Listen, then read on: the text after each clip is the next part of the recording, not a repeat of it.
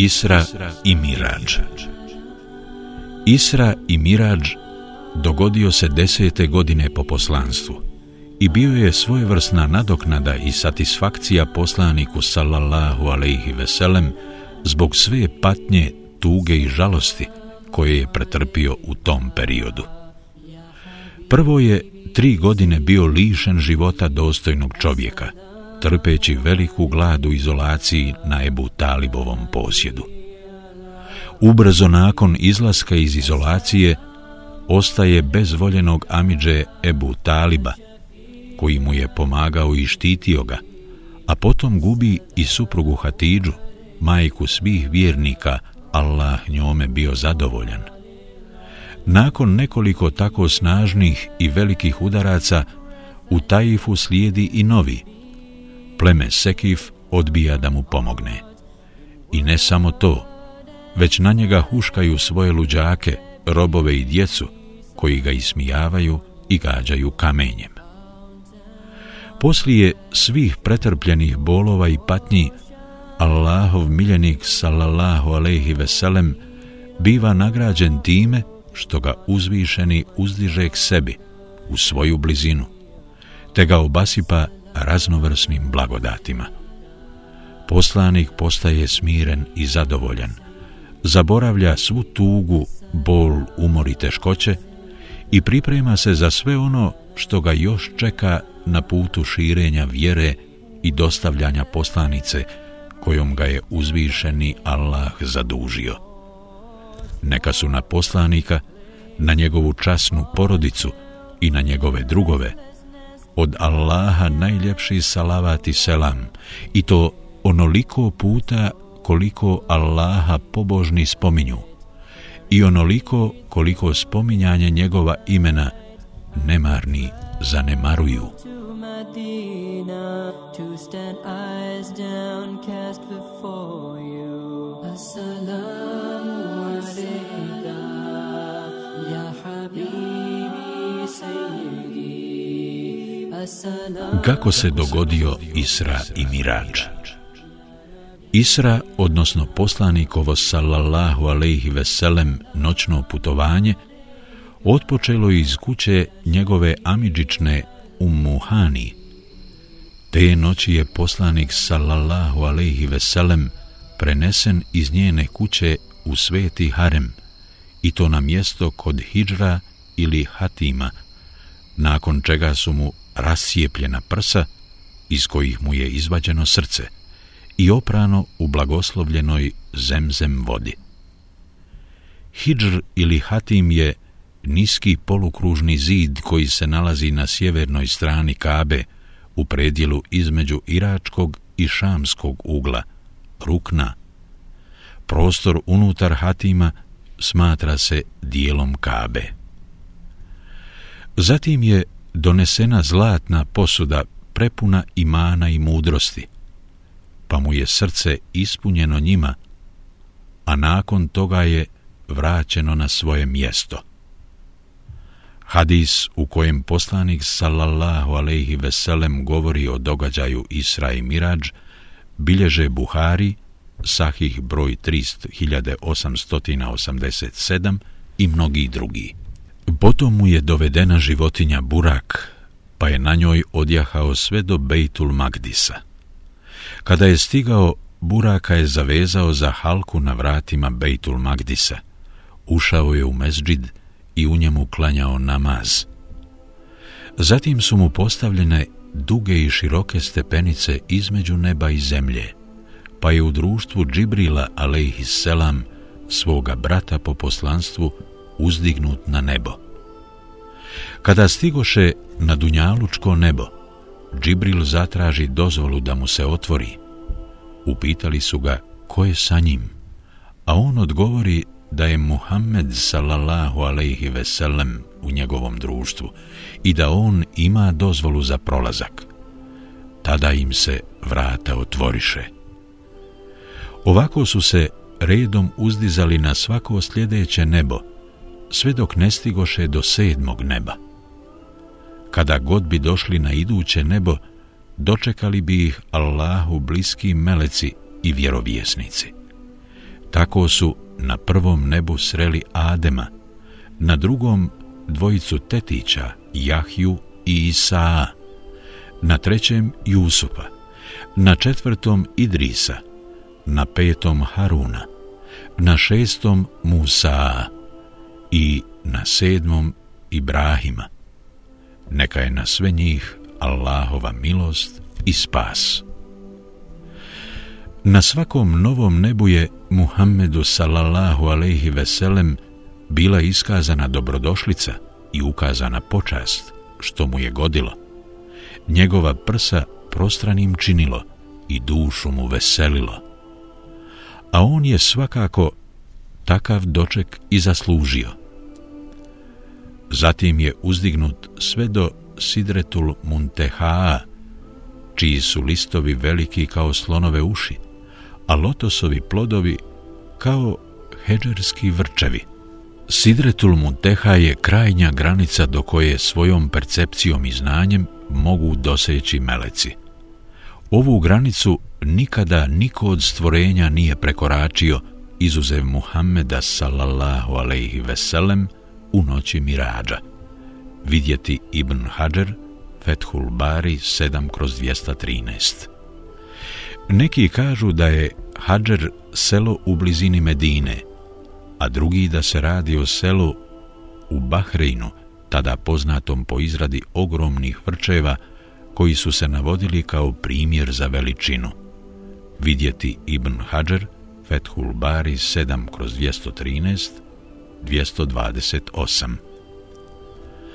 Sidretul Munteha je bila prekrivena i ispunjena raznim čudnovatim i veličanstvenim stvarima i prelijevala se u raznovrsnim predivnim bojama.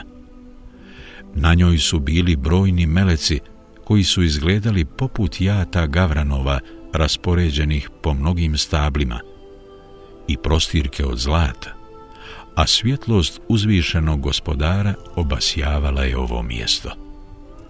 Tada Muhammed sallallahu alaihi veselem vidje Meleka Džibrila u njegovom pravom liku. Imao je šest stotina krila, a razdaljina između svaka dva krila bila je kao razdaljina između nebesa i zemlje. Na ovo upućuju riječi uzvišenog Allaha. وَلَقَدْ رَآهُ نَزْلَةً أُخْرَى عند سدرة المنتهى عندها جنة المأوى إذ يغشى السدرة ما يغشى ما زاغ البصر وما طغى. لقد رأى من آيات ربه الكبرى. أفرأيتم اللات والعزى On ga je i drugi put vidio kod Sidretul Munteha, kod kojeg je dženecko prebivalište, kad je Sidru pokrivalo ono što je pokrivalo. Pogled mu nije skrenuo, nije prekoračio, vidio je najveličanstvenija znamenja svoga gospodara. En Neđm 13 do 18 Riječi uzvišenog pogled mu nije skrenuo, nije prekoračio. Znači da poslanik sallallahu alejhi ve sellem nije pogledao ni lijevo ni desno, već je svoj pogled zadržavao na mjestu na kojemu je i bio i usmjeren, što predstavlja vrhunac poslanikove sallallahu alejhi ve sellem učtivosti i pristojnosti. Tada je poslaniku sallallahu alaihi ve sellem prikazan i Bejtul Ma'mur, u koji svaki dan ulazi 70.000 meleka. Bejtul Ma'mur je nebeska kaba. Ono što je za iskrene Allahove robove kaba na zemlji, to je za meleke Bejtul Ma'mur na nebesima. U jednoj Mursel predaji koju prenosi Katada, navodi se da je poslanik sallallahu alejhi ve sellem u vezi s Bejtul Murom kazao To je džamija na nebesima, a Kaba se nalazi tačno ispod nje. Kada bi Bejtul Mur pao, pao bi tačno na Kabu. Albanije ovu predaju ocijenio vjerodostojnom. Vidjeti Albani Sisiletul Ehadisis Sahiha, broj 477. Tada mu je ponuđena jedna posuda s vinom, druga s medom i treća s mlijekom, a on odabra mlijeko, poslije čega mu bi rečeno. Odabrao si fitru, prirodnu urođenost, urođenu vjeru u jednog Boga, na kojoj ste ti i tvoj ummet. Zatim je krenuo i dalje, sve dok nije došao do mjesta na kojem je čuo škripu pera Meleka Pisara. Tu ga je njegov uzvišeni gospodar još više sebi približio, a onda mu se i tiho obratio. Međutim, poslanik sallallahu alaihi veselem nije ga vidio, a kako bi ga i vidio kada je on svjetlost. Tada je poslaniku sallallahu alaihi veselem i njegovom umetu propisan namaz, i to 50 namaza svaki dan. Kada je poslanik sallallahu alaihi veselem krenuo nazad, susreo je Musa alejhi selam koji ga je upitao šta mu je naređeno. Poslanik sallallahu alaihi veselem rekao je da je njemu i njegovom umetu naređeno 50 dnevnih namaza. Musa ga je u tom savjetova da se vrati svome gospodaru i zamoli ga da taj broj smanji. Na osnovu iskustva s Benu Israilom, koji nisu bili odlučni ni postojani u izvršavanju svih obaveza, pobojao se da se nešto slično može desiti i Muhammedovom sallallahu alaihi veselem umetu. Tada se miljenik sallallahu alaihi veselem vrati svome dragom gospodaru i zamoli ga da broj propisanih namaza smanji, što je on i učinio. Tako se Muhammed sallallahu alaihi veselem u više navrata vraćao svome gospodaru i svaki put ga molio da nanovo smanji broj namaza, sve dok se taj broj nije sa 50 smanjio na pet obaveznih namaza. Što se tiče načina obavljanja ovih namaza, kao i vremena u kojima se obavljaju, sve to detaljno objasnio Melek Džibril, alaihi selam, koji je došao poslaniku sallallahu alaihi veselem, te njemu i vjernicima u toku jednog dana i jedne noći predvodio namaze kod Kabe. Tako ih je poučio namaskim vremenima i načinu na koji se obavljaju pet dnevnih namaza. Hadisi o ovome zabilježeni su u Mubveti imama Malika, kao i u dva sahiha, Buharijevom i Muslimovom. Na kraju se Muhammed sallallahu alejhi ve sellem opet u društvu Džibrila alejhi selam spusti nazad u Bejtul Magdis, a za njim se spustiše i ostali Allahovi vjerovjesnici i on im je tu u Bejtul Magdisu kao imam klanjao sabah namaz. Zatim poslanik sallallahu alejhi ve sellem ode do buraka kojeg je ostavio vezanog za halku na vratima Bejtul Magdisa, ponovo ga uzjaha i pred kraj te iste noći vrati se u Meku. Poslije povratka sa ovog veličanstvenog putovanja, poslanika sallallahu alejhi ve sellem prođoše i tuga i žalost i briga i njime zavladaše smiraj, spokoj i samopouzdanje. To je u suštini i najveći plod ovog blagoslovljenog putovanja u više nebeske sfere, gdje je vidio sve ono o čemu ga je njegov uzvišeni gospodar već prethodno obavijestio putem objave. To je samo dodatno ojačalo njegovo uvjerenje i osnažilo njegovo vjerovanje, jer nisu isti onaj koji o nečemu sluša i onaj koji to isto vidi. Neka je hvala Allahu uzvišenom koji obilne blagodati daje, veličanstvenom i plemenitom.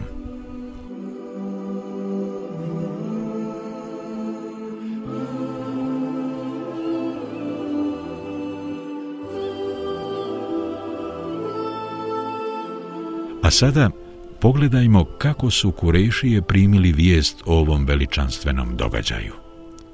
Dakle, poslanik sallallahu alejhi ve sellem vratio se u časni hram i sjeo. Nije znao kako će Kurešije prihvatiti vijest o ovom čudesnom i veličanstvenom događaju. Dok je tako sjedio, pored njega prođe Ebu Džehl, neka je na njega prokledstvo od Allaha, koji ga podrugljivo upita. Da li ti je protekla noć donijela kakvu korist? A Allahov odabranik, salallahu alaihi veselem, odgovori. Da, sinoć sam prenesen do Bejtul Magdisa. Ebu Džehl iznenađeno upita. Bio si tamo, a zatim si osvanuo ovdje, među nama. Da, odgovori mu vjerovjesnik, sallallahu alaihi veselem. Ebu Džehl upita, hoću li tu vijest prenijeti svojim sunarodnjacima? Prenesi im, reče Muhammed sallallahu alaihi veselem. Tada Ebu Džehl povika, O skupino potomaka Ka'ba bin Lu'eja, brzo ovamo dođite. Oni se okupiše, pa im poslanik sallallahu alaihi veselem ispriča šta se desilo. Među njima je bilo onih koji su mu povjerovali, a bilo je i onih koji su ga odmah nazvali lašcem, kao i onih koji su počeli pljeskati rukama. Bilo je i onih koji su, čudeći se onome što priča, stavili ruku na glavu, pokazujući da poriču istinitost njegove priče. Među njima je bilo čak i nekoliko onih koji su bili primili islam, premda se u njihovim srcima ispravno vjerovanje još uvijek nije bilo dobro učvrstilo. Oni su se, čuvši šta poslanik sallallahu alaihi veselem priča, toliko čudili njegovim tvrdnjama da su ga počeli ismijavati, a onda su se i odmetnuli od islama. Neki mušrici iz Kurejšija odoše do Ebu Bekra es Sidika, radi Allahu anhu, te mu provokativno i kroz posmijeh rekoše Tvoj prijatelj tvrdi da je u jednoj noći otputovao u Bejtul Magdis, a on im odgovori Ako je on u istinu to rekao, pa to je onda sigurno i istina. Ja njemu vjerujem nešto što je mnogo veće i krupnije od toga. Ja vjerujem da mu i jutrom i večeri sa nebesa stiže objava. Od tog dana Ebu Bekr dobi nadimak Es Sidik, iskreni ili istinoljubivi. Kako bi provjerili da li poslanik sallallahu alejhi ve sellem govori istinu, neke kurejšije mu kazaše: Opiši nam Mesdžidul Aksa. Poslanik sallallahu alejhi ve sellem poče opisivati izgled ove džamije, ali mu sjećanje izblijedi i stvari se pomiješaše. U noći u kojoj se desio Isra i Mirađ, poslanik sallallahu alejhi ve sellem prvi i posljednji put u životu posjetio je Bejtul Magdis, tako da nije čudno što na upit Kurejšija nije odmah uspio opisati sve pojedinosti izgleda ove džamije. Zatim mu bi predočena ta džamija, te im je on poče detaljno opisivati. U nekim predajama navodi se da mu je Džibril alejhiselam na svojim krilima predočio izgled Bejtul Magdisa. Upitaše ga o njihovoj karavani koja se iz Šama vraćala u Meku, a on im odgovori Prošao sam pored karavane tog i tog plemena, dok su se nalazili kod mjesta Revha. Bili su izgubili devu, tako da su se dali u potragu za njom. Pitajte ih o tome. Kasnije sam prošao pored karavane tog i tog plemena, pa sam vidio jahača na mladom mužjaku deve, koji me se toliko preplašio da je zbacio sa sebe čovjeka, a on je pri padu slomio ruku. Upitajte ga o tome. Prošao sam i pored vaše karavane, dok je bila u ten imu. Na njenom je čelu sivo pepeljasti devin mužjak koji na sebi ima dva gruba prekrivača. Ta karavana će vam doći nakon zalaska sunca. Kada ovo reče, oni odoše do obližnje padine i tu posjedaše, čekajući zalazak sunca, kako bi poslanika sallallahu alejhi ve sellem proglasili lažovom ako pogriješi. Odjednom neko povika, zašlo je sunce, a drugi se odmah nadoveza.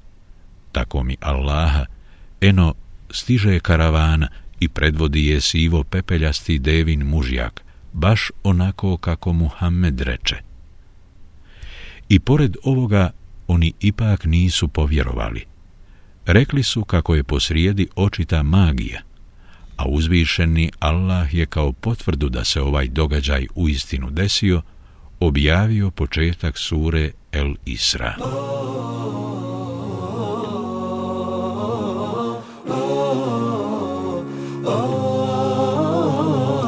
Zaključci, pouke i poruke